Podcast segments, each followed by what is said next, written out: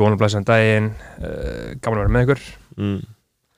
Sanna fokkin leðamaður, velkomin í, í skoðanabræður uh, hla, hlaðarp hlaðarp sem við höldum úti við bræður um, Já, já, já. Tve- tve- tve- tve- Tveir þættir í viku. Þegar þetta er viku, Snorri Másson heiti ég og Bertha Másson hennar Já, já. bróður minn er, er með okkur í dag. Akkurat. Um, Við erum að fara að ræða ímislegt Það er náttúrulega forfallaðist hennar ákveði umræðarni getum við sagt í, í sögum þess að við, við kannski höfum það ekki í okkur að fara að, að hjóli menn en er að segja sko Uh, þetta er ógeðslega fyndið myndband sko. ég, það, það er óneitanlega ógeðslega fyndið af því að við ætlum að, að við ætlum svo sem ekki að gera eitt Nei, nei, við, en- við ætlum aldrei að gera En þetta ég stakk upp á því Já. að við gætum tekið fyrir hérna uh, vídeo hjá uh, samtökum eða hvað í fjandara sem maður á að kalla þetta sem heitir Mm. Ungir fjárfestar. Já, ungi fjárfæstar Og við ætlum að svona, taka það fyrir Já, eh, Við já. ætlum aldrei að gera Það, það er að fara á Facebook og skoða unga fjárfesta. Þar er, er svona myndband þar sem að vera að halda eitthvað eitthvað ráðstefnu og, og, og það eru svona kynnir sem er hægt að hafa nokkuð gaman af að því að hann er einhvern veginn svona um, talar með mjög af,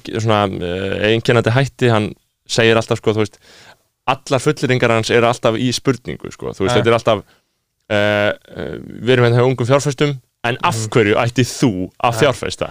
Þetta er svona alvöru Facebook sölumennska sko. og, og, þarna, og svo, svo kynir hann inn gaurinn sem er alltaf í öllu svona þarna Björn hjá Íslandsbanka uh, það er aðal málið sko. hann er ekkert að tala allan tíma sko. ég horfði á þetta sko. Ég horfði ekki á allt Ég horfði bara fyrstu tvær sko. og síðan kynir hann inn bara Björn. Berg og, og Björn. Berg við bara gasar í andlita á manni um einhver, Já, já. einhvern spartnað skilur Akkurat. Og- mér, var svo gott sko, hann, hann, hann, hann passir svo vel sko, hann, hann er alltaf með svona tilvílanir samkvæmt þessum rannsóknum Já, einmitt. er alltaf með rannsóknar uh, tilvílan, og oft skilur og tilvitnunin er oft sko, samkvæmt bara rannsókn Johnny Tech bara eitthvað bull skilur en, en neini, við, erum, við erum alltaf góði menn til þess að fara að taka það fyrir en, en það var náttúrulega svipa mál hérna á Twitter já, Já, já. nýverið.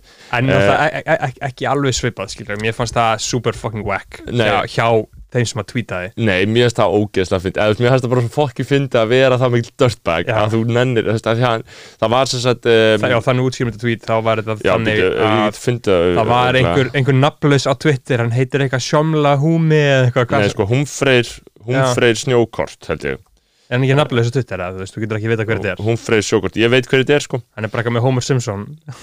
Já, ég, ég veit hver þetta er, sko. já. uh, þú veist hver þetta er. Ég veit hver þetta þetta er er eitthvað sem ég þekki það. Uh, Nei, en þú veist, ég, ég er ekki í stuðu til að, þú veist, ég held að hann sé ekkert eitthvað alveg nafnlaus, þú veist, hann er ekkert eitthvað alveg að fela Nei, hver, nei, þetta- hver hann er, sko. En þú veist, hann er svona lifir undir þarna lifir undir þessu. Og, og eitt sem ég langar að ræða í Mhm. sambandi við nafnleysi, myndi mig á það Já. bara hérna eftir smá, það er mjög aðtilsvert Mhm. um, í sambandi við World of Warcraft uh, sko, hann, hann sagt, Húmfreyr Sjókort tweetar sagt fjórum screenshotum af uh, fréttum á vísi sem eru svona ógeðslega brundfréttir af svona fjórum gaurum alltaf, þrýr, fjórir gaurar Já, já. sem eru, þú veist, alltaf uh, þú veist, og, og, og þetta virðist allt eiga það sammeilegt að Davíð Örn er alltaf í þessu öllu Nei, þarna hann ásker við, nei, Nei, hvo- hvort jú, Da- Davíð Örn Símonsson Davíð Örn, Vestlingur, Já, já, hann er alltaf að gefa út upp bara fucking meistari. Já, og Davíð Örn Simonsson, hann, hann, hann er bara búin að gefa út, ég veit ekki hversu fokking mörg Þetta er bara gaur sem hann fucking hættir ekki. Já, og þetta þú veist, og fyrirsagnar eru sem sagt, skilur við, fyrirsagnar er bara að telja sig geta unnið Tinder með skemmtilegra stefnumóta forriti. Það er í september 2020 Blend-in appið loksins komið út, april 2014 uh, vantar miklu fleiri karlmenn en nei, fyrir einhleipu konar sem er þá líka um uh, sama app þá þar að segja bara í 2019 og síðan er hérna Watchbox sækir út nýja Já. vöru 2016 bara ára ársfresti þá gefur hún út eitthvað nýtt app. Og þú veist, og það er náttúrulega bara þú veist, Hvað eru menn eitthvað að heita á það, skilur já, en ég meina þú veist Það er bara frábært hjá honum. Og, tweetið hjá Humfreyr sjókort að þessi gæjar elska að gefa út ömurlega upp sem enginn notar. Og þú veist, það er auðvitað ekki alveg hægt að uh, það er auðvitað ekki alveg hægt að skilur um, uh, á sami tíma og, og, og, og svona þú veist sko, Já, mér finnst fyndið á þessu Mér, mér finnst fyndið þetta Hvað hún, að, að hann tweeti þessu Að hann hati sjálf sér það mikið að hann tweeti þessu um aðra skilur. Já, en þú veist, að, þú veist allavega að, að þú hafir, að, það er bara það lítið at stake, að Já, þú bara tweetir þessu, hvað, mynd, það er bara það síðasta sem ég myndi, myndi bara og síðan hittir hittir þessa menn, bara hv- hvar, hvar sem er. Ég þeir, þeir ég- muna eftir svona. Já, sannarlega, sko, þeir eru örgulega búin að finna út hverju er og, og, og þegar þeir eru síðan konu með skiluru 200 miljóna fjármagnin í fyrsta skipti eða eitthvað, þá, þá munu þeir þá, þá taka Þá munu þeir birta þetta þá aftur. taka þér Peter Thiel enn Já, þá munu þeir tílan og bara fílan gjörsamlega slökkva á hann og Slökkva. rattfokkan sko. Og til þess að útskýra það, það var Peter Thiel það, var, það er bandarísku fjárfestir uh, miljardamæningur í bandaríkunum Já. sem, sem sagt, eh, er uh, líklega hugsanlega samkynnuð Já, hann er homi, hann, hann, hann er sakinn hann er homi og, og Gawker sem var legendary fjölmið sem var bara svona algjör katastrófa í bandarísku fjölmiðla landslægi að þeir bara fóru algjörlega nýja leiðir. Þeir Já, já. byrtu bara allan fucking hróða sem þeim dæti í hug. Svíringar on top of svíringar sko. og bara þú veist þeir bara fokkuðu svo harkalegi lífi fólks að þeir bara virkilega draf þau.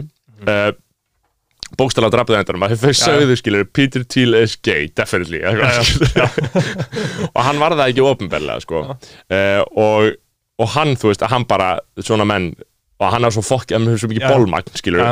hann, Hann fór- tók það niður í gegnum sko Hulk Hogan. Já, að því að Hulk Hogan var líka reyður út í gokkar það kom sextape það kom sextape á Hulk Hogan. Já, og Hulk Hogan er ekki, hann hefði ekki haft bólmagnið til þess að taka þau niður sjálfur, ekki séns að hann Nei. er bara, Hann, hann er svona miðlungsríkur wrestling já skilurðu. og bara þú veist, hann, er, hann á alveg hús í Flórida skilur, Já, hann er ekkit hann á ekkit svona corporate money. Hann er ekki fucking rich rich eins og Peter. Mm. þannig að þú veist, það kom ekki ljós strax og fólk vissi ekkert strax, en Já. Peter Thiel Já. tala þá við Hogan skilur, og, Og bara, fer með honum og tekur niður Já, gokkar já, við komum hér svo gott sko að Peter Thiel hefur komið upp Hulk Hogan og bara, þetta er ekki lægi, þau er ekki fram við einmitt, þig, einmitt, skilurðu. einmitt. Þú veist, hann tók hann örgulega þannig Já, bara ég ætla að hjálpa þér Já. en síðan, síðan og þeir tók hann auðvitað niður bara eins og maður gerir í bandaríkjum með því að kaupa hann Já, skilur, kaupa hann og slökka á Já, bara, Eh.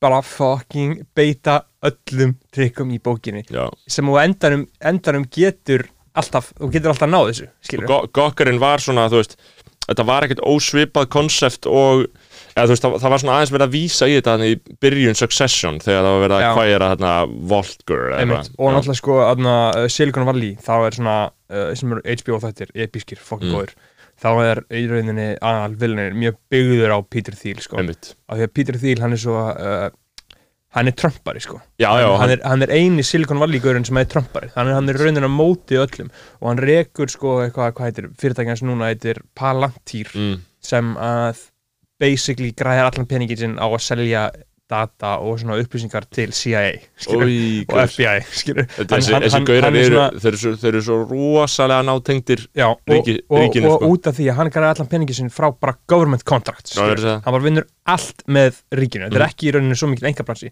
og þess vegna ákvað hann bara veist, hann ákvað bara eitthvað 2015 bara, heyrðu, ég ætla að veðja á Trump. Já, og bara gerði það. Og og, fór, og fór gegn öllum allir í Silicon Valley bara hann, hann var cancelled þar hann fekk ekki, að vera þar en bara ákvað bara, heyrðu, ég ætla að veðja inn á Trump og Já, bara já. hjálpa honum og gera þetta Einmitt. og síðan eru svona getgáttur um það sko að það gæti alveg vel verið að hann sé með einhver svona pólitískar aspirations sko Já, sjálfur, Já. það kemur ekkert orð og, og það er náttúrulega hvað hann væri fréttinu núna um daginn sko uh, Er hann ofnbærlega hommi, eða? nei, ég held ekki Nei. ég held ekki, ég held að, að hann bæli það sko Já. en það var náttúrulega fréttinu um daginn sko uh, að lá- lágu sko það lágu einhver gögn frá einhverjum fundum og einhverjum e-mailum að hann bókstallega bauð nýna system í matabótið sín. Mm.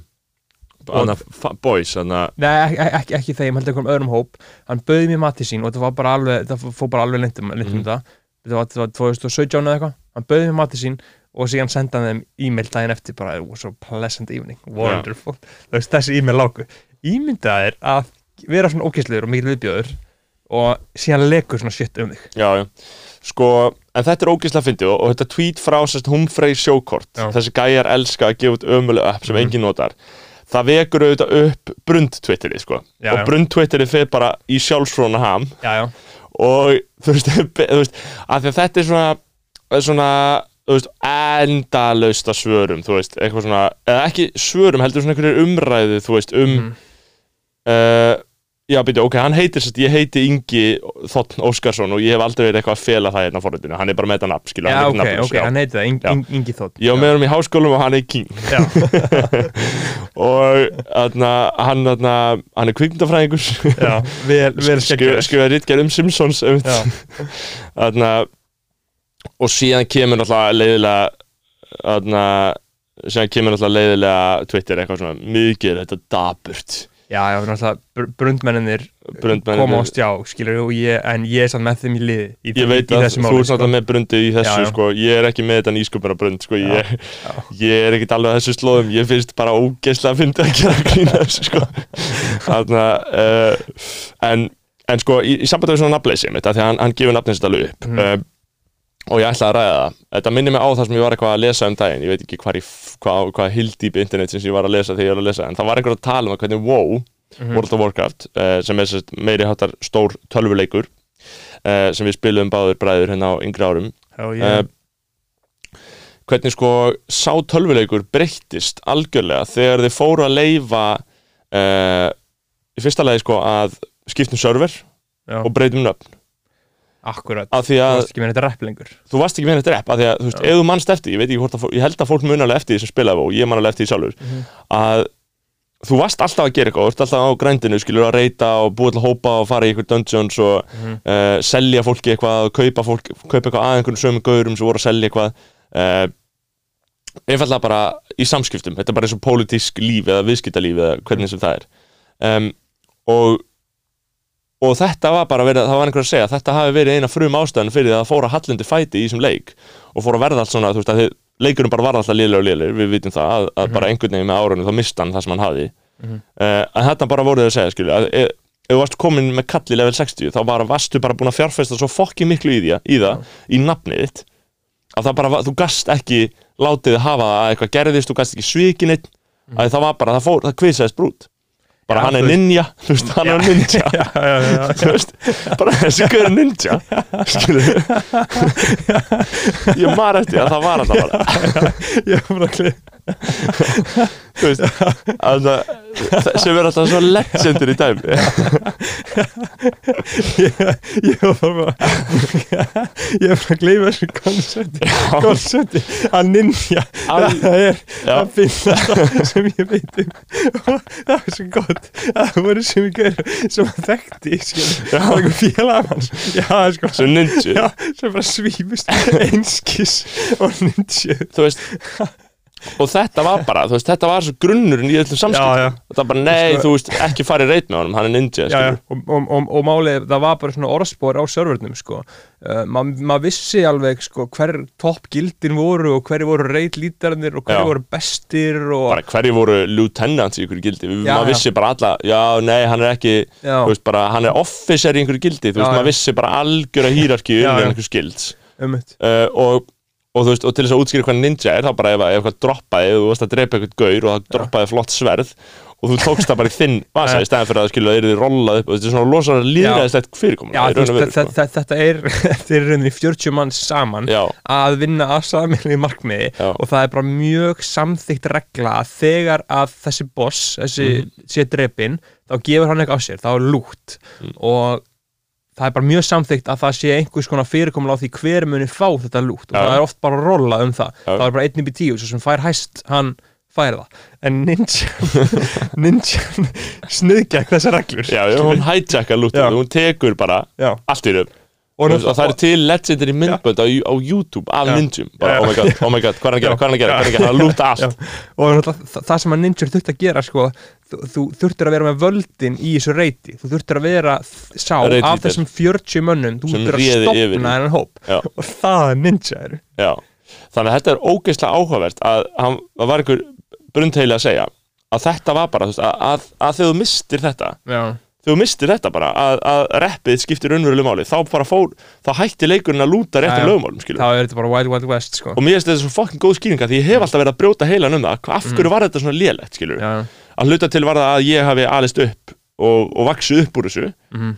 en það hættu allir í leiknum, skilur leikurinn dó, já, en núna er spila þetta ennþá það ekki? En það er klassik af því það ertu komin í aftur í rætunar og þar er, þar lúta, þar, þar ríkja þessu lögmáliti, þú getur ekki breytt um server og, eh, ég veit ekki, ég held að þú getur ekki breytt um server, þú getur ekki breytt um nafn eða kyn eða hvernig það er, nei, uh, þannig að mjög aðtilsverð, sko, Já. svo var ég líka að sjá þarna, talandi um sko að því segi kyn það var líka að sjá, sko, það var viðtal við, við Uglu Stefaníu, uh, Mhm. transaktivista uh, og hún var í viðtali við, við- það er eitthvað svona tölvuleikja spjallarna vísi.is þeir eru með eitthvað svona eitthvað podcast eitthvað og þeir eru að tala um fólk um töluleiki Mhm. um, og sko fá alls konar fólki í viðtöl. Mhm. og þar var hún að segja, hún var sko á svona sástu þetta, Nei, Nei. ég hef ekki séð það.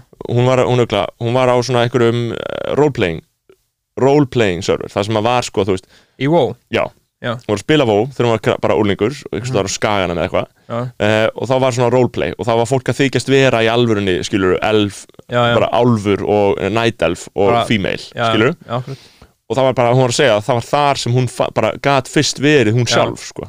Og, einmitt, og það er sko til mögnuð heimildamind um norskan strák Mm. sem var uh, fjölfallaður. Uh, líkanlega, gæti ekki hreitt gæti ekki gert neitt. Og hann var að spila WoW bara í gildinu sínu mm og hann átti bara líf hann Já. átti bara líf og hann hann átti eiginkonu hann átti Mm. bara rosa líf, ég man ekki hvað hann í roleplaying. Nei, þú veist bara í gildinu, Já, þú varst bara þú veist, þú bara Ja. spilaðir 12 tíma dag, skilur, Mhm. og varst bara í gildinu og síðan dó hann og pappans fór í svona mission að finna gildfólki hans til þess að kynnast já, vinni svona síns, skilur. Þetta er sko epic, epic heimildum ég fæ gæsa það, sko. Já, já, já, ég, ég mælu með að googla hann, sko. Já, einmitt, en, en þannig að það er margt í þessu, sko, mér finnst það mjög aðtilsvægt Já, og, sko, og bara og- um og- nafnleis á netinu almennt, Já. sko. Hvernig netið var upprunalega nafnlaust fyrir bæri, skilur og, og, og náttúrulega líka sko í svona uh, tölvuleikja spyrun skilur þú veist það er bara svo frábært að fólk geti skilur fundið sig í þessu eins og þessi norski strákur sem bara loksins bara átti heima einhver staðar skilur það eru svo margir sem að geta ekkert lifa þú veist, bara svona hýrarkja leik, leikvallarins bara meikar ekki sens sko. Nei, og þarna kemur bara algjörlega allir jafnandi borðs skilur En ef þú veltir líka fyrir þér sko lögmálunum sko, þú veist, í, í World of Warcraft þú byrjir líka karakter og nefnir hann bara uh, bara, þú veist, Johnny mm eða Luke Skywalker. Og þú veist, þú kemur og þá ertu, þú veist, þú ert á sama tíma og þú ert nafnlaus. Já. þá ertu, þá, þá, þá ríkja rétt lögmál Mhm. það er svo áhugavert að þú ertu þetta nafnlaus já, þú varst aldrei þú sjálfur, þú varst bara karakterinn uh, en samt ríkja lögmálin sko. og þannig að núna er maður sko, þú ert ekki lengur nafn, þú veist, lögmálin eru farin í fokk og þú ert sem ég ekki lengur nafnlaus þannig að, þú veist, að þetta er öruglega þannig vó að þú ert voða fljótur að fatta hver þetta er Já. eða þú veist, hver er veist, það, fólk er ekkert að fela sig voða mikið sko. en, en þetta er með fundið sko eins og með allt þetta eru margir íslendingar nafnlausar á Twitter eða? Uh, ég er ekki alveg nógu djúpur í þessum kræsum, alveg, sko, ok. Það er slatta af nafnlausum nafnlausum accountum og þau eru mikið að tweeta og þetta er, þú bæði með vilt af vinstrið sem er nafnlaust Mhm. en þau eru samt svona ekki beint nafnlaus eins og þetta, skilur, eins og Mhm. Humfreyr sjókort já, já, með einhverja mynda Homer Mhm. takkið hans er sjómli. Já, en hann heitir Ingi Þotn Óskarsson og hefur aldrei verið neitt að fela það hérna á forritinu sem hann það er svona það, ég held að flesti svona vinstri nafnlausarinnir Já. eru þarna já, já. svo ertu með hitt sem eru já, já. Gaurinn sem er reply og Sifa G sko já, og eru bara ógeðsli bútleikars og Já, bara, þú veist, Mhm. með bara svona öfgahæri skoðanir margir já, þeir eru alvöru þeir og það eru alvöru einhverju gaurar eins og fólk hefur bent á bara verið að það var eitthvað að tala um eitthvað svona nokkur accounts bara, það er augljóst að þessi manneskja hérna Mhm. er í einhverju áhrifastöðu og hún er bara svo bitur að hún er alltaf að tjá sig bara orðfræð, orðræðin hennar já. þú veist, það er bara augljóst að þetta er ekki einhver nobody Nei, nei, þetta er, náttúrulega sko, ímyndað er sko mest ötter niðurlægingu lífsnýs þegar einhver fattar hver Já, er já. með svona burner account hræðilegt, eins og það var eitthvað í, fótboltaheiminum þá gerist þetta Já, eitthvað það. með, með hötta makk auðvitað Uh, ég er alltaf, wow, ég gæti verið að búlsita þarna því að ég fylgdist ekkert svo mikið með því en mér fannst þetta áhugart mál, hann er sem fótboltar í Íslandi já, og var gripinn við það held ég, ég held að hafi komist uh, held að það hafi verið síðan fakta, Já. hann hafi verið með börn Já. svara öllum sem voru að tala í sig. Sko, og þetta gerist nú líka, sko, þetta gerist fakt með uh, Kevin Durant uh, já, bara, bara NBA-gaur bara með 30 miljónir followers já, skilur, og bara með 100 miljónir á ári skilur, dollara. Hann var með burner account. Og hann að svara ja, nei, nei, nei, hann var að svara fólki sem var að dissa sig. Já, einmitt, skilur. hann tweetaði einhverju á sínu eigin accounti og síðan fór hann að skoða í plægin á Vá. burner accountinu sínum það og gott. svaraði. Þú veist, þetta hefur náttúrulega verið lengi.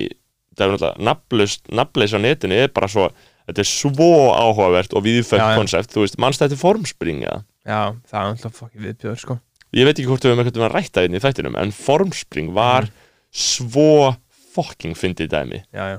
Vá hvað þetta var fyndið. Það voru, þú finnir sko formspring, það var bara smá svona valdastaða að vera með formspring sko. Það var ekki bara hver sem er með og formspring. núna til þess að vera til þess að vera því að ég hata þegar eitthvað svona, eitthvað svona 30 ára netbrundarar að tala um eitthvað svona yrkið og eitthvað svona sem ég var ekki Já, á og ég skil ekki hvað það var. Já, já, Formspring var sagt bara síða það sem gast, ég gætt bara verið með einn profil bara Snorri Másson. Svo fekk ég bara spurningar inn á akkánti minn. Já. og uh, fekk bara spurningar inn í svona posthólf og þær gáttu verið ímest nafnlausar eða ekki nafnlausar og voru þetta bara alltaf nafnlausar. uh, og þetta voru spurningar bara annarkort skilur allt frá því hver- hver er uppáhaldsliturinn til bara hefur þú fengið handjob þú veist? Já, já, já, uh, hefur þú riðið mynd og svo mjög mikið myndir þú ríða þessum? Akkurat Og fólk var bara að svara þessu. Fólk var bara að svara og það var bara þú Nei, veist, nei, ekki fólk, börn. Bara við- 11, 12 ára 12, 13 ára. 13, 14 ára uh, það var bara myndir þú ríða hérna, þessum já, uh, og svo náttúrulega þarna, það var í rauninni þarna sem sko það orðalega myndaðist í íslensku að segja bara myndir þú, veist, Já, já. þú segir bara myndir hennan já, sem náttúrulega epíst fyndið. Og það var, ég, ég þóri eiginlega fullir að það var hljóta að hafa verið á formspring þegar spurningin var myndirðu Snorra Másson? Mhm. en varði, já, já myndirðu sofa hjá en síðan var þetta bara myndirðu hann sem náttúrulega epíst orðalega og ég held að flestum sé að tamt að segja bara já, ég mynd, myndirðu, myndirðu. Sko. og bara já, ég myndi sko. Það er alltaf epíst stating uh, ég, ég man eftir þessu og þetta var, voru alls konar smáatri í þessu, þú veist, þetta var auðvitað algjörlega frjáls vettvangur og algjör epík þegar þetta kom fram. Síðan var, var eini, voru einelt smál og ofsóknir. Þú það var bara harð svíra Já, sem átti sér staðana, sko. Ofsóknir. Um, og þarna og, og, og svo man ég, þú veist, ef maður ætlaði að spyrja skilju, ef ég ætlaði að spyrja einhverju stelpu hvort hún myndi mig, þá þurfti ég að Já, sprinkla nokkrum öðrum nöfnum inn í spurningarnar með kannski sex aðeila, ég er nummer fjögur. Já, já, og, og þá skilur veist, það var ekki augljóst að þetta væri maður sjálfur sko, að spyrja. Mm, Ég, Eh, sko, ég man ég, svo voru slís þar sem að fólk ítti ekki að nafnlaust og það kom Já, einhver já. já, já, katastrófur Já. út sko. Sko, ég bara alla mína tíð hef ég aldrei þóra að treysta neinu svona nafnleysi Nei, skilur, í einhverju svona, í einhverju svona, ég man eftir á mikið svona í Veslu og svona útárstættir í gangi, Mm. skilur, og þú gæst senda inn svona nafnlaus hvað átti að tala um og eitthvað svona, Mm. skilur, og ég var alltaf svona, þú veist, að voru margir að senda bara viðbjörsalt stöf, Já, skilur, já. eitthvað Google Docs form eða eitthvað, ég hef aldrei treyst svona, ég hef alltaf bara haft þennan fyrirvara að niðurlæðingin er á leiðinni, Já, ég, ég, ég skilði vel, ég, ég, ég treysti þessu heldur ekki mjög vel. Uh, Ég er mjög tortrygging Já, ég er mjög, ég hef alltaf verið rosalega hrættur við svona, En það var við, við, náttúrulega- við, við svona niðurlæðingu á netinu, sko. Lendið þú ekki í því á Instagram með þessi votes? Jú, jú, ég, ég sem sagt, þannig ég útskýri það þá na, í svona tvö ár þá lifði ég þannig á Instagram að þegar fólk setur svona poll þegar fólk setur svona poll í stórið sitt, þú veist, já eða nei skilur Ah. þetta eða þetta þá held ég, ég haf aldrei sett þannig poll sjálfur Þú þannig veist, Þannig að fólk er, fólk er að seg, þú veist, fólk er kannski posta, þú veist bara,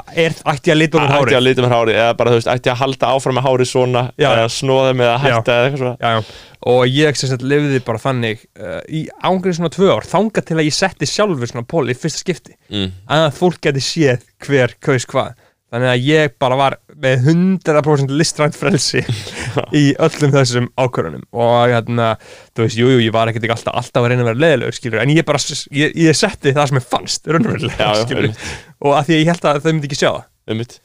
þannig að það er virkilega einhverja núti sem ég hef uh, svívirt svona á, á, ágætlega Að því að sumt samhengi er alltaf eitthvað svona Þú veist, það, það var einhver bara vinnur minn að segja bara um daginn að það var eitthvað svona eitthvað, þú veist, ég man ekki nákvæmlega hver spurningi var en, það, en þú veist, annars svarið var eitthvað neee og það voru 13% búin að kjósa eða eitthvað, skilur þetta var bara auðvitað ekki svarið sem áttir að svara, skilur Mhm. og hann ætlaði að skrolla til hægri eitthvað og, og ítta á ne og var, var þarna var mikið í sjálfknámshöluðingum í kjálfarið en uh,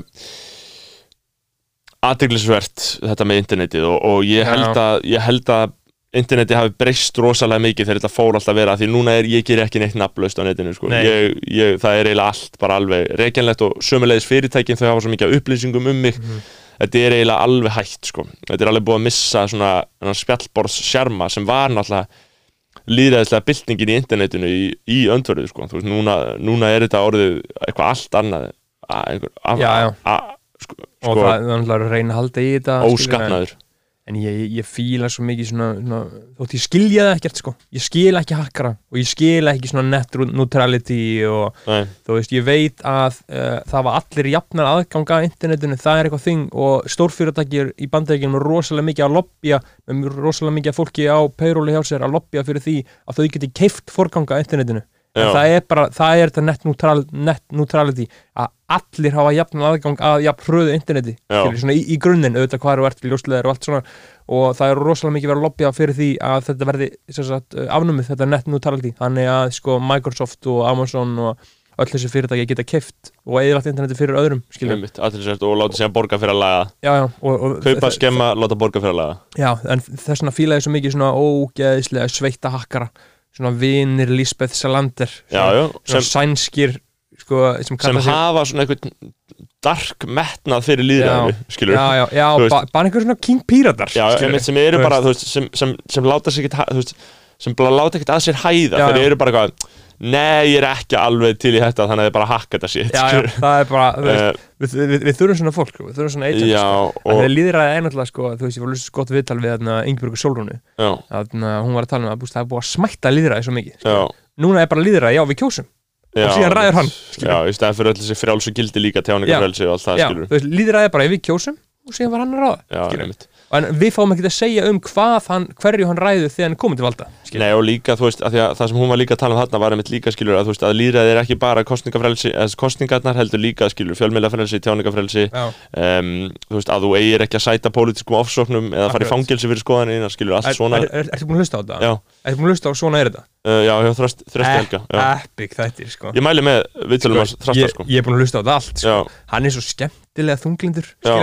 er hann er þú veist, hann er svona mhm. þú veist, en þunglindur en skýr skilur hann alltaf hefur mikla þekkingu sko. ég var Já. að lesa bók eftir hann maður um daginn sem ég var að segja frá bók? íslenski mótinistar og, og tímarætti byrtingur Já, hann, hann, hann er alltaf að tala rosalega mikið um það með uh, Kristini Andrisson og hvað hva heit hann sem að fór að vinna málmenningu já, Sigfús Staðarsson sem, sem er mitt uppáhalds ljóðskáld sko. Uh, og ég var alveg, ég var eiginlega í fullnæðingar ham þegar þeir voru að tala um Sigfús og hann þekkti Sigfús persónulega þegar Sigfús var veikur, ég veit ekki hvað og hvað sko. uh, og, og svo er hann núna með viðtal við sko, uh, Halldór Guðmundsson já, sem ég er að le- pe- peppaður að hlusta á sko. ég hlusta á það í gær sko. Já. ég hlusta á það var í hann gær ekki eitthvað að peppa mokkan eða eitthvað eða var hann með að dreyma nei, hann var ekki bara peppa mokkan neitt sko.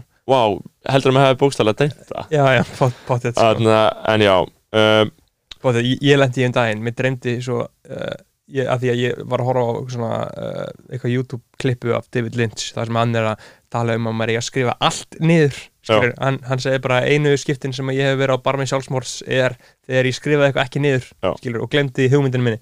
Þannig að ég er svolítið búin að vera núna þegar ég er búin að vera út á landi og segja mér síma nátt mér vakna upp á draumnum skilur, Já, og bara finna svona örts ég þurfa að skrifa niður já, skilur, já, mitt og síðan lesi þetta sko, en ég bara, ég skrifa niður í símum minn í notes, bara á miðurnótu, ég er bara endur svona þetta, ég Mhm. gera, skil ég bara á septurkin og síðan þarna er þetta bara búið að vera bara bull, rugl og bull sem Já, ég sé einmitt. þegar, ég vakna, þú veist, það sem ég skrifa, ég skrifaði sko, sérstaklega sem ég hugsa mikið um, ég man ekkert af hverju.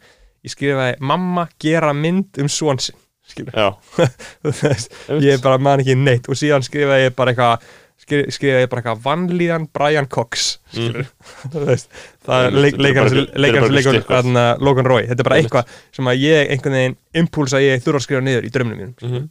Sko, já, ég held að það sé mjög verðug hugsun að, að skrifa allt niður, sko. Maður mað þarf að reyna að Halda utan um- gera meira. Halda utan um veruleikan, sko, ég er rosalega hrættur við, sko, ég er að lesa mitt, sko, ég er að lesa bókina Sandra Snæs núna, já, tíminn vatnið. Tíminn og vatnið. Um, bókstala fucking hakkaði mig í gegnum hana. Ég bara, ég hef ekki lesið bókja pratt hún er mjög skemmtileg sko. Já. hún er mjög auðleysin sko. uh, og þar er hann mitt að tala um þessar áhyggjur að því að varðveita allt og ég er með smá svona maníu. En á sama tíma er ég svo latur um mikil fucking lúsir að ég er ekkert að gera þetta í þessu. Mér langar einmitt bara að varðveita allt bara alla minningar uh, öll atvik, já, kvót skilur, Mhm. minnst það svo mikilsvert sko, en auðvitað er ég svo mikil fucking lúsir að ég ger ekki neitt í en þetta var náttúrulega svo miklu, miklu, miklu auðveldara til dæmis að skrifa um, eins og þú skrifa æfisu Halldór Lagnes Mm. mm. Þú getur skrifað hana upp úr bara miljónum brefa já, já, þú kemst bara í þessi bref og þá áttu svona nokkuð með búin að fatta svona, hver, hver, hver hann er. Er Uh, núna hefur þetta skrifa var að skrifa æfisu einhvers sem bara fættist árið 2000 skilur hvernig ertu að fara að koma að staði hvað hann var að gera? Þú mest alltaf með skilabóð já en þú, þau eru bara stikkorð skilur já, já, en þú verður bara að setja saman nýja mynd, sko þú veist, þessi bref eru náttúrulega margt í þessum brefum er allt fokking tilgangslegt og leðilegt en, já, en eins og Facebook skilabóðin mín þau hljóta verða eitthvað þú veist, risastórt sapn á endanum, heldur það samt? Veistu hvað þetta er mikið af upplýsingum með það? Já, og samskiptum. Það mun alltaf aldrei neitt fara í gegnum þetta allt. Nei, sem er líka skrítið að hugsa út í að þetta eitthvað þessu verður aldrei séð aftur. Mhm, en þú veist, ég tala við svo marga svo mikið já, svo, svo reglubundið. Mhm. þú veist, ef þú tekur eitt gott tvekja klukkustum að samtal sem er reyndar alveg hægt að gerast að maður sé bara já, að taka eitthvað Facebook samtal. Ég man, maður gerði það. Það var ógeðslega gaman í gamla dag sko. Bara já. að messenger bara tveir klukkutímar og bara senda á milli og bara um skoðanir. Já, já, núna er þetta hægt sko. Já, það er ekki séns. Nú er allt í myndum. Já, já, allt er í myndum sko. Myndum, já, það er fucking rusl. Og líka bara, þú veist allan að ég er svona einhvern veginn er svo rosalega hrættur og hata alla þessa samfélagsmiðla svo rosalega mikið að, ég veist, að maður er svona hættur að ég fæ óbræði munnin við að gera þetta. En, en, en nei, nei uh, hvað er meira, ég meina það er ímislegt sem við, við erum að velta fyrir okkur. Ég var um þetta að hugsa um áfram með hann að náttúrulega, þá gerist þetta með uh, okkar mann hann, uh, hann uh, hver var það sem fekk al, aðal afhjúpun Þóru Sæm, það var alltaf ræðilegt já, já, Þóri sagði Eh, að tekinu mjög illa sko. það var blóðut uh, Í- síðan var svipa dæmi með Þorbjörn Þórðarsson hann um já, og shit hvað hann er örugláður pyrrað Já. þetta er svo mikið óþarfa, óþarfa handvömm sko. Já, já. Þannig þú veist að vita að hann sé að, hann sé að gera þetta. Já, en þetta var svo óþarfa frétta efni sko, að, þá, þá, þá erum við að tala um uh, frettaflutning uh, af sem sagt, að það var Þorbjörn Þórðarsson sem tók saman gögn fyrir samherja fyrir einhverja kæru eða eitthvað. Og það böstaðist að því að hann tók screenshot af Facebook statusum og þá sást profile myndinans mm Þannig að þú veist það var einmitt öll gögn, dómsgögnin voru með hans lilla checkmarki lilla mynd, sko, thumbnail sem var óhefilegt um, öruglega ekki góð tilfinning að vera alltaf í fjölmjölum fyrir að vera að vinna Já. fyrir samherja. Um, en þeir náttúrulega bara, þú veist ég held að fólk jafni sér mjög hratt á einhverju svona, ég meina maður vinnur bara fyrir djölin það er basic, það gera allir. Það gera, já, já, það gera, gera flestir sko. Um, sko, það var hérna ég var að deila status á Facebook uh, í gær, sástu það? Nei, svo ekki. Ég deildi stat, status með Hjálmari Gísla sinni uh, fjárfesti og nýsköpunar King, já, þú lækar þetta meira sem hjá mér. Uh, hann er að tala um rúf já, jú, jú, jú, ég sá það, já, já. og, þarna, og ég er mjög sammálað þessu. Og hann er að segja sem sagt um, bara þannig komi hann er nefnið þetta í þættinum. Þetta er bara Já. gott, góð pæling og við höfum svo sem hundra sem talað um þetta áður. Já, en hann var að segja, setja þetta í samingi við sem sagt, tungumáli sko, Mhm. íslenska tungu og hann var að segja að rúf verður að gera ógæðslega mikið af efni aðgengilegt, af því hann var að segja bara einfallega það sem þarf bara fyrir tungumálið Mhm. er bara að sé ógæðslega mikið af efni aðgengilegu þannig að þegar þú sért úlingur eða whatever, að þá sértu bara þú veist, að því að við getum alveg sagt að sko, fólk sem er kannski orðið títugt og er komið í háskóla eða eitthvað og er, er, er, er farið að hafa einhverja meðvitund um tungumálið sitt Mhm. og að rækta sína eigin málhæfni eða hvernig sem það er. Það er komið í öruga horn, skilur það er ekki það sem við höfum áhugjur af í tungumála þróunni, það sem við höfum áhugjur af eru börn sem eru alast upp í uh, mjög svona ólíku mál umhverfi og það sem við ólumst upp við. Við ólumst upp við, jú, vissulega reyndar vó og svona, veist, það var alveg þetta var alveg orðið svona hjá okkur, sko já, já, allir Playstation leikir og bíómyndir og allt, já, já, við vorum, að, maður lifði að mörguleiti mjög á ensku, en það var samt skilur þú hugsaður út í tíman, skilur En það var þetta já, kannski 30% af tímaninu Já, já, en, en, en má- málið er, aðalmunurinn er þú lifðir í heimi batna á ensku Já. og síðan fórstu í heim við fullónu, alvöru heiminn þá Já. var alltaf 100% íslensku Já, það var náttúrulega líka þannig sko. Núna er þetta orðið öðru því núna eru fóldrandi líka enskir Já, skilurðu. einmitt veist, það er bara uh, allir eru Vi, Við ólumst náttúrulega upp við fótskör fólks veist, því að pappi er náttúrulega fætti 1959 skilur, og mamma fætt 66 þú veist, þau eru af eldri kynslu skilur, en þegar fóreldarnir eru orðir Já, já, skilur við, þeir bara einhverjum góðir vesturíslendingar í Já. bara uh, hvar sem þeir búa sem neyta bara menningarætnis á Já, horfa bara Netflix allan daginn, láta Netflix skaða á sér heila Já. frumundnar allan Mhm. daginn eh, og eitthvað svona. Og þá, já, og veist, þá koma börnin aldrei á þú veist, eitthvað stað þar sem er eitthvað svona hei, hérna er, veist, hérna verði að tala góða íslensku, þú veist, þó að séu auðvitað- því séu þetta haldið að þeim í skólanum og kennarar landsins vinna mjög gott starf í því flestir, eh, en það sem Hjálmar er að segja er að það sem skiptir máli er bara að sé til bara Mhm. ógæðslega mikið efni. Veist, það er bara úrvalið sé bara fokki mikið. Já, já, og, og, og aðalega sem að sagði svona líka gott sko að þetta frá YouTube krakkanir er á YouTube skilur. þú átt ekki að láta krakka fara í eitthvað rúf app fara í eitthvað sarp eða spilarana eða hvað sem þetta er bara Þetta- stoltinu græja dæmið já, búa til risa stóra Já. rás af bara, þú veist setja bara mörg hundur miljónir í bara prófið Mhm. þar sem að bara er komið fyrir bara íslenskri rás já, já. með endalust efni og síðan er náttúrulega að, síðan er náttúrulega önnur umræða einmitt, með rúf sem við höfum sagt fucking takið allt efnið. Já. og gerið það fucking aðgengilegt á netinu núna, hvað er svona erfitt við það? já, já. hvað í fokkanum stendur vegi fyrir því? Uh, bara eitthvað bullshit Ég vil fá bara alla fréttatíma frá 1960 já, Fyrsta beina útsendingin í sjónvarpi var 1971 Mhm. Skilu Þar var Það var sagt þegar handritin komið heim sko. Mhm. Þá tók við og græðið fyrstu útsendinguna sko. Mhm. eh, Og síðan það, þú veist, að, það- að, ef maður ímyndir sér þá tækna sem er komið þá Þannig getur þú farið beina útsendingu, skilur Allt eftir það vil ég sjá já. sko, sko heldur þú að þarna hafi verið handrit að handritin var komað heim skilur hvernig heldur þú að uh, 25 ára fólk hafi verið að takja það heldur að, þú veist Það var bara, var, var þetta umræfni sem að fólk var já, bara, Það, voru, það, fóru, það fóru basically allir í reykjagnir já. og núna er þetta náttúrulega sko algjört bara scaring the hose Já, umræfni einmitt, einmitt. ef, ef, ef þú byrjar Já, ef ég nefni bara veist, fólk er bara fólk verður svona svolítið, líður svolítið óþægilega ef einhver segir bara handrit já, já, skilur, þú, það er scaring the host. Já, já, þú ert bókstæðlega bara scaring the hose Já, og við getum rætt þetta betur við andra á morgun af því að hann alltaf hefur líka já, talað um þetta og svipum Einmitt. nótum ég. Ég er mjög spenntur að ræða þetta við hann sko. um, en þessi dagur, 21. apríl 1971, þetta var algjör veislu dagur og að því að líka, þú veist, ungir bundarar voru framsónamenn og þjóðurni já, þú veist, þeir voru bara þú veist, ef þú varst, þú veist ef þú varst í háskólanum, þá varst ekkert eitthvað PC-róla, skilur, þú varst bara framsónamaður þarna, úr skagafyrðinu eða eitthvað, varst bara alltaf að tala um að skilur, eifyrðingar væru svo akkurat. Eitthvað skagfyrðingar og eifyrðingar að með eitthvað, þetta er svona heimur sem er svo horfin og er svo dörti og ógislegir, eitthvað svona skrýtlur um hvaða fyrði þú ólst upp í sko, Mhm. eða dal, þú veist, það er alveg sko, þú veist, það gerist ekki ógisleira sko en það er samt svo mikið veistla sko. algjör þú veist eh, ég, er svona nostalgísku gagvart þessu, svona retro hugsjón, sko, Mhm. en, en en hann er sérst að segja þarna, já, Hjálmar, hann já, segir en málið er líka sem að rúf er að gera svo fokknu ömulega skilur við mm uh, jú, börnun eru rosalega mikilvæg sko, en úlingarnir eru líka rosalega mikilvæg skilur Mm. hver er að framleiða ef þú tekur bara yfir alla fjölmjöla flórur Íslands. Allt dót, hver er að framleiða shit fyrir úlinga já, já, ekki neitt, sko. Engin, Nei. engin bara á aldrinu bara 15 upp í 20 skilur við, hver er að búa til efnið fyrir þetta fólk á íslensku, einmitt.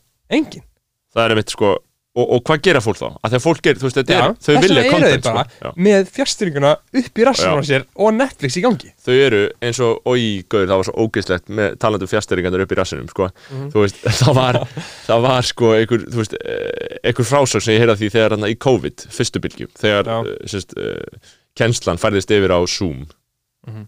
þá var fólk alltaf með Zoom kennslan í gangi og Netflix í gangi á saman tíma og Ó, er lágu inn í rúmi Já. átta klukkutíma Já. í skólanum já, já, með Zoom í gangi og Netflix.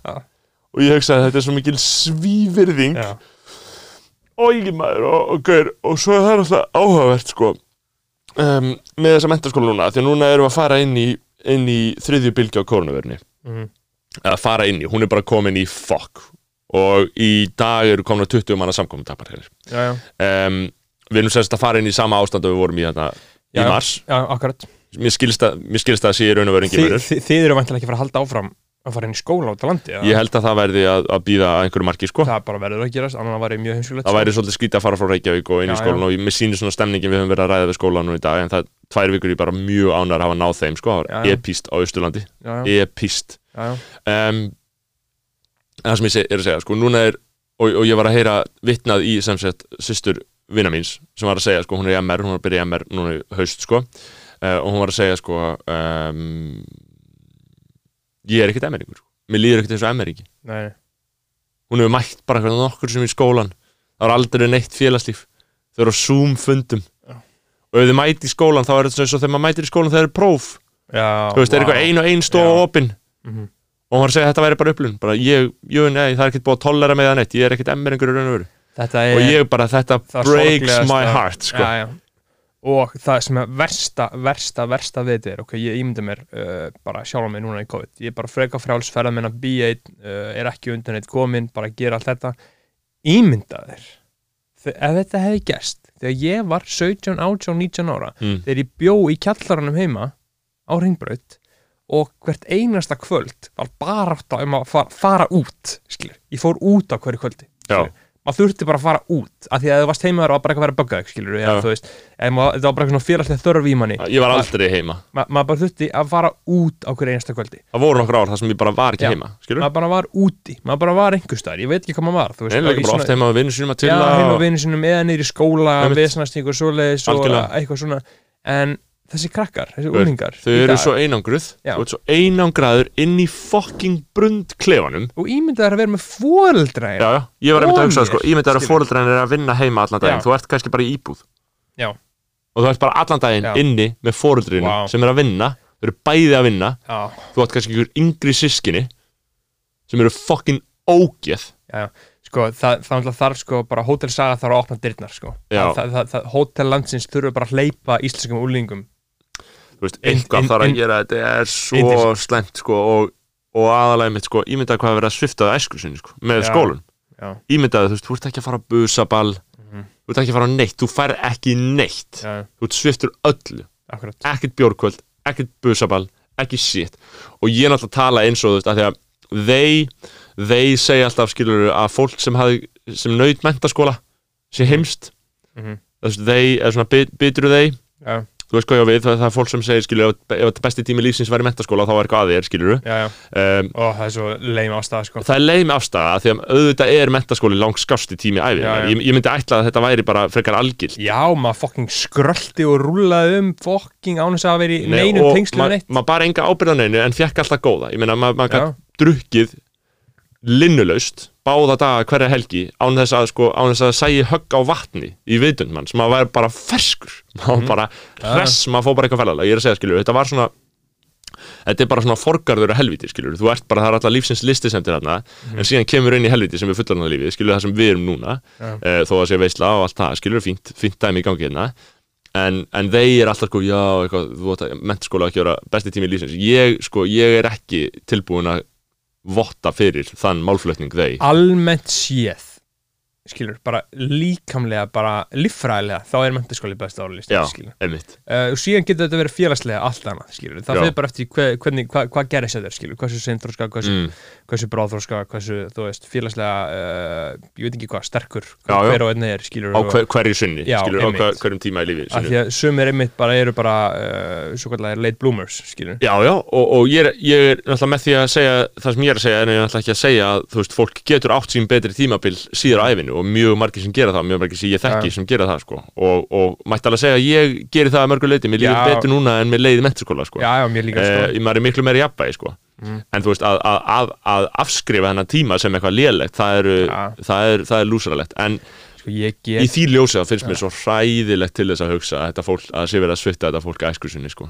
það er bara ég get ekki ímynda mér hvernig þetta er, af því að ég hugsa bara ok, ég hugsa bara um COVID, skilur ég bara hugsa þetta í peningum, ég bara Já. hugsa um bara alla peningana sem ég er búinn að tapa Já. það er það eina sem ég hugsa um mm. uh, og smátt og smátt er ég bara komin í algjöra sátt við það, skilur Þú ég held að það sé eina leiðin já, sko. við, við, við heldum skilur við heldum í februar, mars, bara ok, já, þetta verður næst í sumar, skilur síðan heldum við, já, ok, þetta verður næst þannig að vestmanningin, loksumar, skilur síðan heldum við, já, ok, þetta verður geggja haust. Og síðan heldum við, já, þetta verður geggja um jólun þetta er ekkert að fara að gerast, skilur þú veist, þú, þú, þú, þú, ert ekki að fara að græða pening á uh, tónlistarhaldi, skilur fyrir en kannski einhvern tíma 2021 haustið, ég veit það ekki. Veist, það, það er bara ekki sens. Og núna er ég bara orðan algjörlega sáttu við það. Núna bara whatever skilur. ég var alltaf að halda í vonuna skilur. já, ég, Þú ég, veist, ég, hope is a dangerous thing to have sko. Já. það er bara, þú veist ég, ég þarna var einmitt bara að horfa á hafið í morgun og ég var að hugsa bara það er komin oktober, það er 50 oktober Já. ég held að það sé 50 oktober um,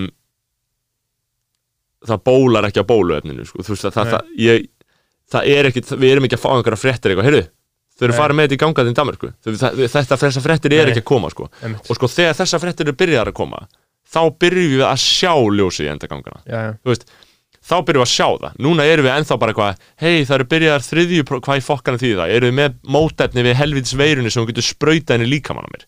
Og ég, ég er náttúrulega sko, um, núna um helgina uh, það fór ég í partí sko, já, bara partí. Það mitt gæti vel verið síktur. Já, ég fór í partí Já, já. þetta er bara, og ég, fyrsta partí sem ég fer í í svona þrjá fjóra mánu en var ekki gaman það? mm, ekkert spes, Nei, alltaf lægi bara var þetta ekki þarna hvar á Siglufirði? Þetta voru Siglufirði, Já. já. Uh, og við mættum hann rosalega góða móttöku, bara allir bara "Eh, partí, bara allir hann fullið við komum hann klukkan 11 um kvöld, bara "Eh, við erum farað að partí maður, við erum Mhm. partí og ég bara eitthvað svona, mér datt COVID ekkert í hug sko, ég spáði ekkert í COVID Nei. uh, bara eitthvað, já, eitthvað, mm, já, ok fyrst eftir og við erum í partí, skilur Já. sem fór hann í partíið uh, og ég áttaði mig eiginlega ekkert á þessu COVID, dæmið neitt, sko. Hvað meinur, varstu bara ekki að hugsa um ég það? bara, ég bara hugsa ekki um það, skilur það voru bara allir dansandir, skilur, allir bara blind fullir sko, allir bókstallega bara að þú skilgreiningin á því, bara blow off steam. Það voru Mhm. bara allir bara, þú veist fucking ferskir á því. Og síðan bara kikkaði inn bara eftir á, bara, já, ok, ég er komin COVID. Já, ég veit ætt, Já, þú veist þetta er bara, en ég bara var ekki meðvitaður um þetta akkur þannig, sko og þetta var, var rosalega skrítin upplöfun að fara í partí uh, í fyrsta skipti í svona rosalega marga mánuði, sko. Já, sko ég fór í, já, einmitt. Þetta, voru svona 50 manns og var allir dansandi. Já, aðtilsvægt á að segja þetta sko. Það er svo fokkin fyndi hvað tímandi breytast rætt sko. Já. Alltaf bara, þú veist, frá viku til viku þá breytast það algjörlega sko. Ég náttúrulega á sínum tíma þá ha- viðhafði ég aldrei neina sóttvarnir. Ég, ég, ég, ég sprittaði mig aldrei að í fyrstu bylginni Ég gerði ekkert að, eða mér á hendur En núna þegar við erum að fara í þessu skóla þá er svo mikið í húfi að við séum ekki smittaðir já, einmitt. Þannig að við höfum bara verið bara, ég er bara, ég er algjörlega orðin bara Já. smitt dæmi uh, að því að það er svona, hagsmunir eru svo mikli sko. en Mhm. þarna er mitt, þú veist, þú ert ekki búin að vera að vinna í einhverju umhverju þar sem að skiptir eitthvað geðið miklu máli og sért ekki með COVID eitthvað þú veist ekki að hugsa um þetta Nei. þannig að þegar maður fer í partí þá er maður bara svona, þú veist, já, whatever skilur en það var Já. einmitt, þetta var tæft partí að það var um helgina sko, veist, Nei, eh, var bara, það bara, þetta var föstaskvöld Já. sko. Þetta var bara eins var búið að tilkynna aðgerðinar nei, nei, þá kom á ekki lögða að gerist daginn eftir sko. uh, já, þetta er ó, þetta er svo fokkin sjúkt sko, þetta er Já. svo fokkin galin raunveruleiki sko maður þarf bara að samþykja þetta fullkomlega sko. Já, og finna sér eitthvað að gera ég, Já. bara, maður þarf bara að vera heima sér og bara finna sér eitthvað að gera bara Já, já. fara að búið til nýjan hlut byggja fucking skuffu ef þú vilt það sko ég bara, já, já. af því að, af því að öðru vísi þá, þá kemst ekki gegnum þetta sko, af því að ég var líka að tala við vinkurum mína um það skilur að bara það, tilfinningin að leiðast skilur þetta er svona stórt konsept að leiðast, Já, leiði. Ég hef aldrei, hef aldrei tengt það, mér hef aldrei leiðist á nei, einmitt, en einhvern tímann kannski myndu allt í henni fá þessa tilfinningu og þá myndi ég hugsa, wow ég er að fá þessa tilfinningu fyrst skipti, af því hún En- var að lýsa svipuðu sko. en þetta er náttúrulega bara þunglindi Já, en þetta er líka þegar þú ert þegar það bara vantar eitthvað. Þetta er bara skortur. Já, já, þunglindi Já, en, en sko, ég myndi segja að þetta einkennist mis- fyrst og fremst að skorti. Þú ert bara ég veit ekki hvað ég á að gera. Mhm. hvað á ég að gera? Skilur? Bara Mhm. hvað á ég að gera? Ég, nenn, ég, ég er búinn að gera þetta, ég er búinn að gera þetta, búinn að gera Já, þetta. hvað á ég að gera? Ég er hérna með ekki bara þrjá klukkutíma ég er með tvo mánuði framöndan og ég veit ekki hvað ég á að gera og það er alveg hræðileg tilfinning fyrir suma sko. já, já, En ég, ég myndi sjálfur eiga mjög auðvelt með að leysa úr þessu Ég veit bara alltaf hvað ég á að vera að gera Þá myndi ég bara fara að lesa og skrifa eða eitthvað skilur. Það er bara Mhm. eitthvað sem ég myndi gera Því mér finnst bara eðlilegt að gera það í þessum aðstæðum En aðrir eru ekki með það Þeir eru bara með eitthvað annað Og það er búið að taka það frá þeim Þannig að þeir eru bara í hakki já, já. Þunglindið í samfélaginu er Mhm. Þunglindið er mynd núna Í dag, það er mánudagur 15. oktober 20 manna samkomið dagbanir Þunglindið er svo stert við það. Það eru svo margir sem eru miður sín Það eru aðrir sem eru eitthvað, hm, þetta er kósi Nei, Ríkistarsmjör og svona. Já þe- þetta á eftir að verða sko, þetta tekur smá tíma að kikka inn sko. Já. Þú veist, að því að fólk Ég er að segja, þetta er kósi fyrstu það, dagana. sko, málið er, við erum komin á alveg jafn slæma stað við vorum á það í vor. Já, en það er alls ekki saman stemming samt. Nei, það er, við erum hér að taka upp skilur ekki þetta pæli. Við erum að fara að taka viðdala morgun skilur Já, má- málið er að- það, það er líka sem er svo aðtilsvært í þessu. Það er bókstala, Íslendingar hafa verið að fara fokkin sænsku leiðina undanfæri með þessa, Já, já. með þessa bylgi já, já, Við erum búin að vera sænsk á því já, að bara, þú veist, og ég er þannig ennþá ég, það, það þarf eitthvað, það er fundir hennar kljóðan 11 á vegum Mm. stjórnvalda. Það Mm. var það held í ráþærar bæði og þau. Ég veit ekki hvaða tón þau ætla að slá þá, sko. Mm, þú veist hvort að þið sé að fara að segja bara hvort að við sé að fara að horfa í myndaðalina skilur en en uh, það er alveg rétt það er bara al algjör munur sko. Um, sko við, við hefum svona tíu myndir eftir á einhver ágæta þætti. Já, já, já, já þú veist, við erum alltaf að rá- rá- við ráðum því rá- alveg sko en, mér hefur sko. fundist fín regla að vera bara því að því að ég sko ég, en við erum búin að vera góður róli sko. Já, ég, ég, var, ég var um daginn sko að þú veist, bara ímyndaðin skilju að sjá svona shit fyrir skilju og hvað getur gerst skilju COVID. Já, þú veist, bara almennt bara raunveruleikin skilju, Mhm. þú veist ef einhver hefði bara sagt okkur skilju uh, fyrir tveimur árum, bara já, þið muni vera hérna í á hverju skötu að taka upp podcast, þar sem að þið talið í klukkutíma, Mhm. bara um mér hefur fundist það fjärstæðikent sko. Já, mér er bara fullkomlega fjastæðikent sko. uh, og þetta er allt svona skilju, Mm. þú veist á næsta ári geti ég verið komin sko, Já, bara einmitt. til, til Nepal eða Já. veist og mér langar sko að tjaka, hlusta hérna Mhm. þetta er svo epic klippa sem að útskýra þetta svo vel Yes. sko. þetta er úr bíumdinni Sure. Adaptation What if a writer is attempting to create a story where nothing much happens, where people don't change, they don't have any epiphanies, they struggle and are frustrated and nothing is resolved? More a reflection of the real world. The real world? Yes, sir. The real fucking world.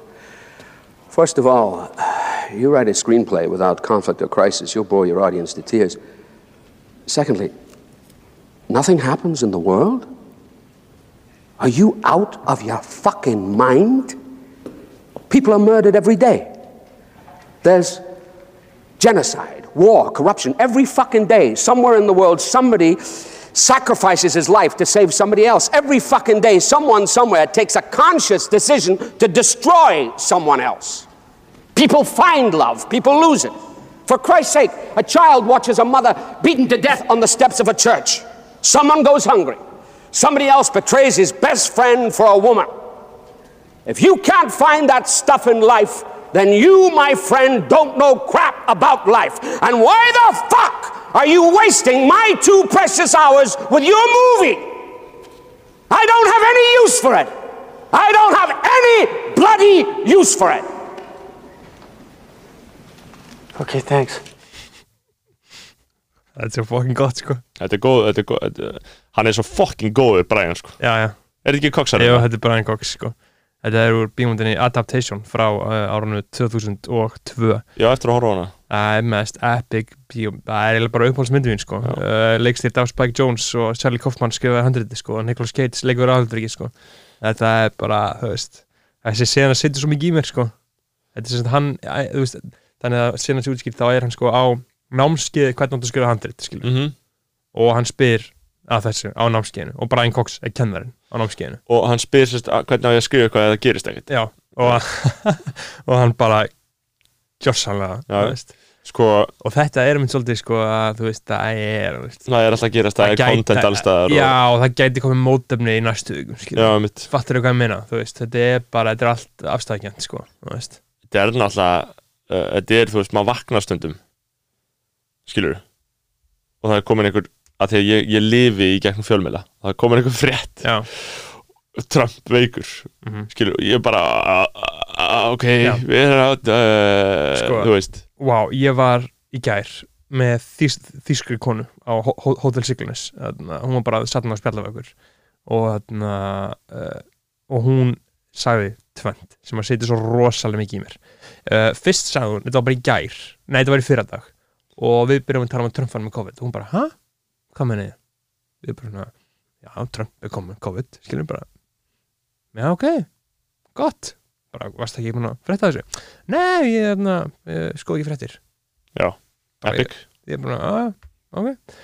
Og sama tíma, við vorum í sama partíinu fyrsta sköldi og hún myndi ekki klukkan hvað hún Nú, bara, já, ég verið í partíinu, ég bara, klukkan hvað Uh, ég, bara, ég veit það ekki, ég var ekkert að, ég ekkert að kíkja á klukkuna sá hún, var bara í partíinu skilur, veist wow, Þegar- hvað konu er þetta? uh, þetta er, hún er í herhúsinu listamæður, uh, 35 ára þýskona og hann og hún lifi lífinu í þannig að hún sé ekki að kíkja á klukkuna skilur, hún er bara í ykkur partí og kannski er hún í 5 mínútur, kannski klukkutíma. veit það ekki. Þú veist, ég veit nákvæmlega alltaf upp á sekundu hvað Mhm. klukkan er. Einmitt.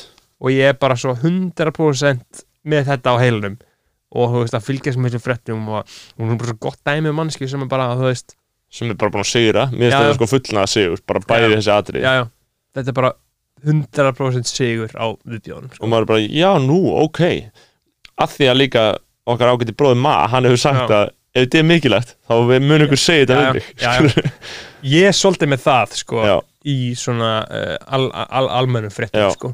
En ég, neyti mjög mikils efni sem að ég sækist sjálfur í og hef uh, ánægja af sko, Mm. en eins og koronavírus fréttir og allt svona þá ég þarf ekki að vita það núna skilju.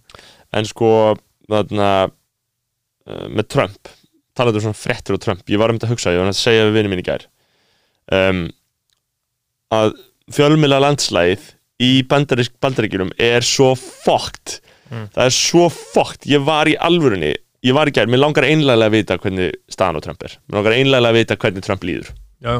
bara er hann að verða veikari eða er hann að verða betri, hefur sér myndirna frá spítalunum hans? Já. Já. ég er búin að sjá þetta allt.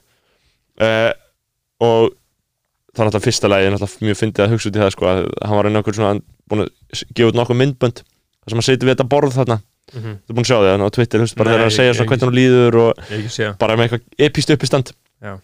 Uh, þá var hann alltaf á einhverju svona skrifstof eða svona á svona einhverju svona fundarherbyggi eða eitthvað Mhm. og ég er svo einfaldur að ég hugsa alltaf skilur að því ég hugsaði fyrst skilur þegar hann færi að hús sjúkrahús eitthvað, ég ó oh, fuck, ef hann er sjúkrahús þá getur hann náttúrulega ekki tekið upp henni myndbönd eða sendt neitt frá sér skilur, að þetta er bara rúm ég er svo einfaldur að hugsa Já, já, bara já. að sjúkrahúsi sem hann erði á erði ekki bara einhver skilur sér útbúin gamestopnun skilur en ég hugsaði bara að þetta verður bara rúm skilur en, en allavega þá var ég að reyna, ég er að reyna að afla bara fokkin upplýsinga um hvernig fórseta bandarækjana líður sem með COVID-19 og ég er að reyna að skoða einhverja miðla. Hvar á ég að fá upplýsingar? Ef ég fyrir á New York Times fake news, liberal media þá bara trúi ég ekki neina sem stendur um hvernig Trump líður eða hvað er í gangi með Trump. Ég trúi því bara ekki, hann er bara búinn að samfara mig um allt Trump af, af New York Times er fake news. Ef ég fyrir á CNN, þú veist, ég get lesið upp screenshot sem ég tók að skjánum hjá fucking CNN í gær ég fyrir stundum inn á CNN.com bara alltaf að reyna að fá okkur þetta til þess ég fer, ald, ég, ég fer aldrei á CNN CNN er, er frekar fest, liberal media Já. kjaftaðir endar, en veist, CNN eða Fox, skilur og, veist, og fyrirsögnin er bara, ég er að sína þetta veist, Trump's alternate reality of COVID-19 crumbles.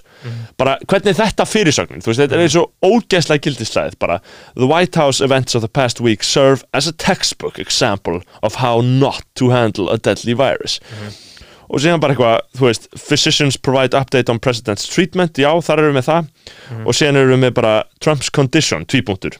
White House sows confusion as source tells reporters next 48 hours will be critical. Þetta er allt bara og ég bara, gauður, getur ekki bara sagt? Bara getur einhver bara sagt Trump er að gera þetta núna. Ekki alltaf þessar ógeðslega dramatísku uh, eitthvað textbook example of how, þú veist Ertu, skilur hvað við við? já, já, já, og ég bara stend fram með fyrir því að ég veit ekki neitt hvað er rétt. Ég veit ekki neinar upplýsingar. Og þarna hugsaði ég bara, þeir þurftu bara hitt bandariska rúf, bara NPR eða eitthvað skilur, sem er bara einhver shit stofnum sem er bara undir fjármögnu niður í ræsi á hverju ári, skilur, það er bara, þeir get ekki gert neitt sko. hún er svona fín sko. Já, já, ég veit En- árið fín, skilur, þeir bara, þú veist, þeir, þú veist, maður getur alveg séð fyrir sig hvernig eitthvað, einhver já. Fjölmiðl yrði í bandaríkjum, En. NPR, þau gerðu náttúrulega vinsæðislega podcast uh, ever, aðna serial, skilur Já. og væntar ekki bara New York Times og kaupir það, einmitt og drepur bara Já. einhvern veginn þú veist, þú veist, þar er það, þar er það öfugt og hjá okkur, Já. okkur tek, myndi einhver opinberstofnun einhvern veginn bara að herma eða taka á eðilegja skilur en þarna bara kemur enga korporatið og, og, og rústar þessu. En, en einmitt bara magna sko að, að ég get ekki, ég get ekki, þú veist, ég, ég les alveg, ég get alveg lesið liberal ógæslega New York Times en, en ok, ég ætlaði að fara hérna á NPR frá, frá því hér, núna segir aðal fyrirsögn er það er meitt bara President's doctors upbeat say he could be discharged as soon as Monday Mhm. skilur, þetta er bara þetta er bara eitthvað svona allan frá, frásögn Já. sem þykist vera hlutlaus af því ég veit að ekkert er hlutlaust en þykjast allan að bara vera að segja einhver, einhverja staðrendi sko. Já, já.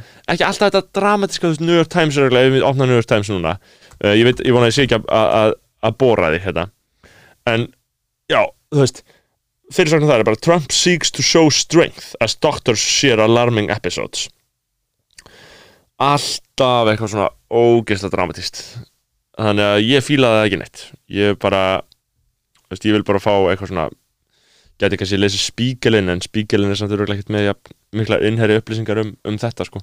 Nei, spáur ekki að fengi í þessu. En jú, uh, það verður gaman að fylgjast með uh, bandaríkinum uh, Joe Biden er að fara að tapa Alltaf ekki, Jú, Trump vinnur þetta aftur. Jú, jú Trump er Eh, uh, aftur því ef hann miður deyr ekki. Já, Eh, hann einhvern veginn kemur sér kemur svo að því og alltaf viðbjóðslegt að horfa á þetta debate það var bara, þú veist uh, rosalega sorglegt. Mm. Þú veist, ég, ég fyrir fór alveg að hlæja nokksunum skilur þegar Trump, Já. þegar, þegar Trump sagði að, að Biden væri vera að gera grína hann fyrir allt hann með grímu skilur Já, the, big, sagði- Já. the biggest mask we've ever seen the bigger, you were always with the biggest mask I've ever seen ég, ég reyna að finna það til þess að við getum, við getum, getum slegið út með því sko. já, Hvað be, sé? Þannig að það getur verið svona longa já, ég með þetta hérna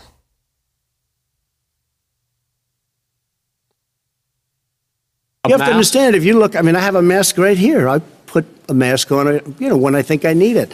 Tonight, as an example, everybody's had a test and you've had social distancing and all of the things that you have to, but I Just wear like your masks rally. when needed. When needed, I wear masks. Okay, let me ask. I don't have, I don't wear masks like him. Every time you see him, he's got a mask. He could be speaking 200 feet away from it. He shows up with the biggest mask I've ever seen.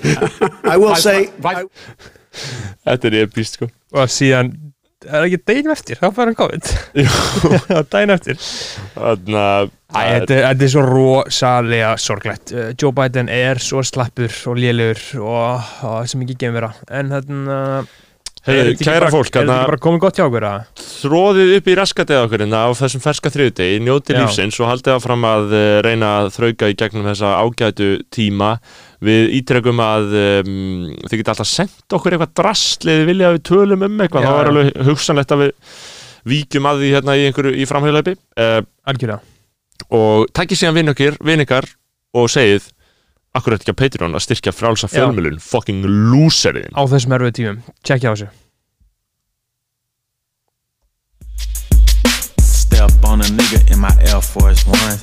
Step on a nigga in some fucking Jordan ones. Step on a nigga with this dirty ass gun. It was one late night, I was cruising the street. We ain't had nothing to do, so we was looking for beef. Got a Glock in my hand and a stick in the Jeep. Stopping niggas round town, but I grew up on the east. Roll the window down, seen elbows and feet. I was kicking up smoke, you was copping a plea. Yeah, we turned him to Zaza, now his face on the T. I be smoking on op, roll him up by the P. P. Chopper keep shaking, the beat keep breaking. No, I'm not a Muslim, but I don't eat bacon. Eyes look Asian, she say that she Jamaican. I bring her to the room, we just fucking, we ain't caking. Stepping on niggas, stepping on niggas, stepping